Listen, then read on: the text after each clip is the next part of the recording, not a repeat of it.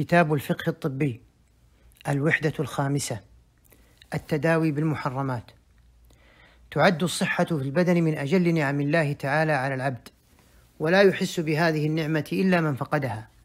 وذلك حينما يصاب الإنسان بالمرض الذي يخرج الجسم عن حالته المعتادة.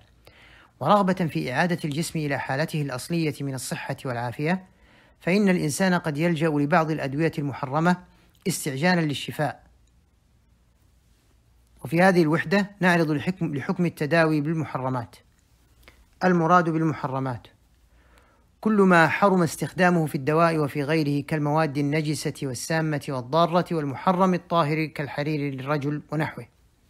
أولا حكم التداوي بالمحرمات. اتفق الفقهاء على عدم جواز التداوي بالمحرم من حيث من حيث الجملة. إذا لم تدع الضرورة إليه بأن وجد البديل المباح الذي يغني عنه. لقول النبي صلى الله عليه وسلم إن الله لم يجعل شفاءكم فيما حرم عليكم. ولقوله صلى الله عليه وسلم إن الله أنزل الداء والدواء وجعل لكل داء دواء فتداووا ولا تداووا بحرام. فتوى اللجنة الدائمة في التداوي بالمحرمات. لا يجوز التداوي بالمحرمات لثبوت الأدلة الشرعية الدالة على التحريم. التداوي بالمحرم عند الضرورة. أما إذا دعت الضرورة إلى التداوي بالمحرم فالراجح جواز التداوي بالمحرم إذا توفرت الشروط التالية: أن يخبر طبيب مسلم عدل ثقة حاذق بالطب أن في المحرم شفاء للمريض، أن يكون الغالب من استعمال هذا الدواء السلامة لمن استعمله، أن لا يوجد دواء طاهر يقوم مقام المحرم في التداوي. الأدلة الدليل ألف الدليل من القرآن. قال تعالى: وقد فصل لكم ما حرم عليكم إلا ما اضطررتم إليه. وجه الدلالة من الآية أسقط الحق سبحانه وتعالى تحريم ما فصل تحريمه عند الضرورة إليه فكل محرم هو عند الضرورة حلال. والتداوي بمنزلة الضرورة فيباح فيه تناول هذه المحرمات للتداوي بها استنادا إلى هذه الآية. باء الدليل من السنة. واحد عن أنس رضي الله عنه قال قدم أناس من عرينة فاجتووا فاجتووا المدينة فأمرهم النبي صلى الله عليه وسلم بلقاح وأن يشربوا من أبوالها وألبانها فانطلقوا. فلما صحوا قتلوا راعي النبي صلى الله عليه وسلم واستاقوا النعم. فجاء الخبر في أول النهار فبعث في آثارهم. فلما ارتفع النهار جيء بهم. فأمر فقطع أيديهم وأرجلهم وسمر وسمرت أعينهم وألقوا في الحرة. يستسقون فلا يسقون. وجه الدلالة رخص رسول الله صلى الله عليه وسلم لهؤلاء القوم بشرب أبوال الإبل على سبيل التداوي مما أصابهم من مرض وقد صحت أبدانهم بعد شربه والتداوي بمنزلة الضرورة التي ترخص في تناول المحرم شرب البول ولا يعد تناوله في هذه الحالة محرما فإن ما اضطر المرء إليه فهو غير محرم عليه من الأكل والمشرب. أما ما ورد من أحاديث نهى فيها النبي صلى الله عليه وسلم عن التداوي بالمحرم مثل عن أم سلمة رضي الله عنها أن رسول الله صلى الله عليه وسلم قال إن الله لم يجعل شفاءكم فيما حرم عليكم. عن أبي الدرداء رضي الله عنه أن رسول الله صلى الله عليه وسلم قال إن الله أنزل الداء والدواء وجعل لكل داء دواء فتداووا ولا تداووا بحرام. فهذان الحديثان يحملان على النهي عن التداوي بالمسكر أو على حال عدم الحاجة إلى التداوي به في غير حال الضرورة بأن يكون هناك من الأدوية المباحة ما يقوم مقام المحرم في التداوي به. أي أن حديث أم سلمة في وفي حكمه حديث أبي الدرداء من حرمة التداوي بالمحرم محمول على حالة الاختيار. وأما حالة الاضطرار فلا يكون حراما كتناول الميتة في المخمصة والخمر عند العطش وإساغة اللقمة. وذلك جمعا بين الأحاديث لأن العمل بجميع الأدلة أولى من إعمال أحدها وإهمال الباقي. كما أن حل التداوي به في هذه الحالة لا يقتضي الترغيب فيه وملابسته وذلك لأنه لا يتداوى به إلا عند الضرورة إليه وهي حال نادرة التحقق. وإذا تحققت فلا تقتضي دوام ملابسته للاقتصار منه على ما تندفع به الضرورة. ثانيا التداوي بالأدوية المحتوية على الكحول. لا يجوز استخدام الخمر الصرف كدواء مطلقة لقول رسول الله صلى الله عليه وسلم إن الله لم يجعل شفاءكم فيما حرم عليكم. وعن طارق بن سويد الحضرمي قال قلت يا رسول الله إن بأرضنا أعنابا نعتصرها فنشرب منها. قال لا.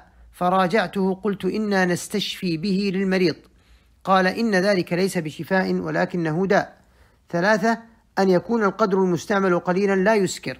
ولذلك صدر بجواز استعمال الأدوية المشتملة على نسبة قليلة من الكحول المسكر قرارات من مجامع الفقه الإسلامي وفتاوى من لجان وهيئات الإفتاء في العالم الإسلامي مع استحباب وتفضيل تجنب إدخال الكحول في شيء من الأدوية حرصا على اجتناب الشبهات. قرار المجمع الفقهي الإسلامي برابطة العالم الإسلامي بناء على ما اشتملت عليه الشريعة من رفع الحرج ودفع المشقة ودفع الضرر بقدره وأن الضرورات تبيح المحظورات وارتكاب أخف الضررين لدرء أعلاهما قرر ما يلي. واحد لا يجوز استعمال الخمرة الصرفة دواء بحال من الأحوال. لقول رسول الله صلى الله عليه وسلم إن الله لم يجعل شفاءكم فيما حرم عليكم. ولقوله صلى الله عليه وسلم إن الله أنزل الداء وجعل لكل داء دواء فتداووا ولا تداووا بحرام. وقال لطارق بن سويد لما سأله عن الخمر يجعل في الدواء إن ذلك ليس بشفاء ولكنه داء. اثنين يجوز استعمال الأدوية المشتملة على الكحول بنسب مستهلكة تقتضيها تقتضيها الصناعة الدوائية التي لا بديل عنها بشرط أن يصفها طبيب عدل كما يجوز استعمال الكحول مطهرا خارجيا للجروح وقاتلا للجراثيم وفي الكريمات والدهون الخارجية. ثلاثة يوصي المجمع الفقهي الإسلامي شركات تصنيع الأدوية والصيادلة في الدول الإسلامية ومستوردي الأدوية بأن يعملوا جهدهم في, استعب... في, استعب... في استبعاد الكحول من الأدوية واستخدام غيرها من البدائل. أربعة كما يوصي المجمع الفقهي الإسلامي الأطباء بالابتعاد عن وصف الأدوية المشتملة على الكحول ما أمكن. قرار مجمع الفقه الإسلامي بمنظمة التعاون الإسلامي. للمريض المسلم تناول الأدوية المشتملة على نسبة من الكحول إذا لم يتيسر دواء خال منها. ووصف ذلك الدواء طبيب ثقة أمين في مهنته. ثالثا حكم التداوي بالمخدرات. الأصل عدم جواز التداوي بالمخدرات لما تقدم من أدلة، ولكن أجازه العلماء في حال الضرورة بشروط.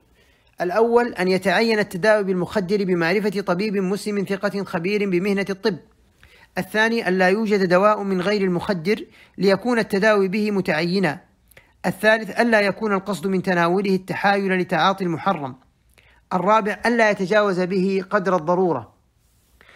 فإذا كان الدواء المخدر الذي يتعاطاه المريض لا بديل له من الأدوية التي تخلو من المخدرات أو المحرمات عموما جاز له أن يتناوله ما دام قد نصح نصح الطبيب المسلم الموثوق بدينه وعلمه بنفعه له وانعدام بديله.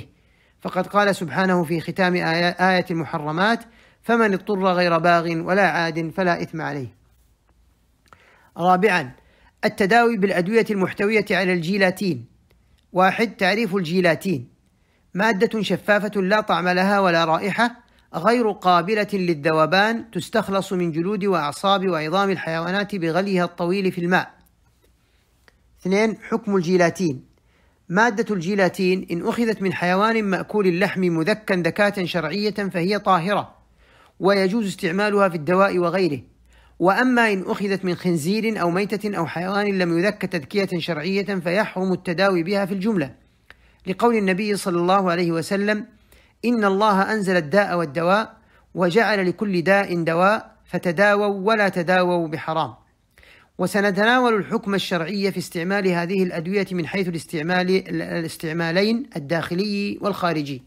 ألف. حكم الاستعمال الداخلي للأدوية المحتوية على مواد مستخلصة من أجزاء الخنزير. واحد الإنسولين الخنزيري. جمهور العلماء المعاصرين على عدم جواز التداوي بالإنسولين الخنزيري إلا في حالة الضرورة المقيدة مقيدة بضوابطها الشرعية المتمثلة فيما يأتي. أن يكون المريض في حالة يخشى عليه فيها من الموت أو الضرر الشديد. ألا يتوفر غير الإنسولين الخنزيري في متناول المريض. أن يصفه طبيب حاذق ثقة. ومستند أصحاب هذا القول هو الرأي الفقهي القائل بجواز التداوي بالنجاسات والمحرمات في حال الضرورة. ولهذا فقد استدلوا بالأدلة الدالة على استثناء حال الضرورة من أصل تحريم التداوي بالنجس والتي سبق ذكرها. وهذا التفصيل المذكور إنما هو عند الحاجة للأنسولين الخنزيري أو غيره من الأدوية المأخوذة من الخنزير. أما الواقع الطبي فقد تغير كثيرا. حيث أمكن تصنيع الإنسولين الإنساني دون الحاجة للإنسولين الحيواني. اثنين الكبسولات الدوائية المصنعة من جيلاتين الخنزير. يجوز استعمال الأدوية المصنعة محافظها من جيلاتين الخنزير إذا تحققت استحالة الطعام والجلود استحالة كاملة وتغير اسمها وصفتها. دليل ذلك اعتمد القائلون بجواز استعمال محافظ الأدوية المصنعة من جيلاتين الخنزير إذا تحققت الاستحالة الكاملة للعظام والجلود المستخلص منها الجيلاتين. على رأي جمهور الفقهاء القائلين بطهارة النجاسات بالاستحالة ولأن تحويله إلى مادة مباحة إصلاح له. فعظام وجلود الخنازير المتفق على نجاستها إذا تحققت استحالتها الكاملة عند تحويلها إلى جيلاتين تصبح طاهرة. فيحل استعمال الأدوية المصنعة حافظتها من مادة الجيلاتين لزوال علة التحريم وهي النجاسة. أما إذا كانت الاستحالة جزئية فلا يجوز استعمال هذه الأدوية في العلاج في غير حالة الضرورة والحاجة الماسة. باء حكم الاستعمال الخارجي للأدوية المحتوية على مواد مستخلصة من مشتقات الخنزير. اختلف الفقهاء المعاصرون في حكم استعمال المراهم والكريمات التي يدخل في تركيبها شحم الخنزير على قولين. الراجح فيهما جواز استعمال المراهم والكريمات التي يدخل شحم الخنزير في تركيبها إذا كانت الاستحالة تامة بناء على طهارة النجاسات بالاستحالة والأفضل تجنبها عند وجود غيرها فإن الممتنع بقاء حكم الخبث وقد زال اسمه ووصفه والحكم تابع للاسم والوصف دائر معه وجودا وعدما فالنصوص المتناولة لتحريم الميتة والدم ولحم الخنزير والخمر لا تتناول الزروع والثمار والرماد والتراب والتراب والخل لا لفظا ولا معنى ولا نصا ولا قياسا. خامسا التداوي بالأجزاء المأخوذة من غير مأكول اللحم كالخنزير. يحرم التداوي بأكل أو شرب شيء من أجزاء غير مأكول اللحم حال الاختيار ويجوز عند الضرورة وكذا يجوز التداوي بذلك في ظاهر الجسد كالطلاء ونحوه عند الحاجة على أن تتوافر القيود التالية. واحد أن تدعو ضرورة إلى ذلك وأن يستعمل الدواء بقدر الحاجة ودون تجاوز. عملا بالقاعدة الشرعية الضرورات تقدر بقدرها. اثنين ألا يوجد بديل آخر يقوم مقامه وذلك بعد بذل الوسع والجهد في طلب الدواء المباح أو يوجد ويصعب الحصول عليه إلا بمشقة شديدة بالغة كأن يكون الدواء المباح ثمينا جدا والقاعدة أن المشقة تجلب التيسير. ثلاثة أن يصفه طبيب ثقة حاذق. التداوي بالهيبارين. واحد تعريف الهيبارين. دواء معروف يستخدمه الأطباء بشكل واسع جدا لمنع تخثر الدم وحصول الجلطات في كثير من الأمراض بشكل وقائي وعلاجي كأمراض القلب والذبحة الصدرية وإزالة الخثرات الدموية وهو من أكثر الأدوية استخداما في الطب الحديث وهو في أصله مادة يفرزها الجسم لكن تعطى للمريض عند الحاجة من مصدر خارجي. وهناك نوعان من الهيبارين. الهيبارين العادي وهو مزيج غير متجانس من مركبات كيميائية متشابهة ذات سلاسل عديدة السكريات الكبريتية. يمكن استخراجه من الأعضاء الغنية بالأوعية الدموية كرئة البقر ومخاطيات أمعاء الخنزير.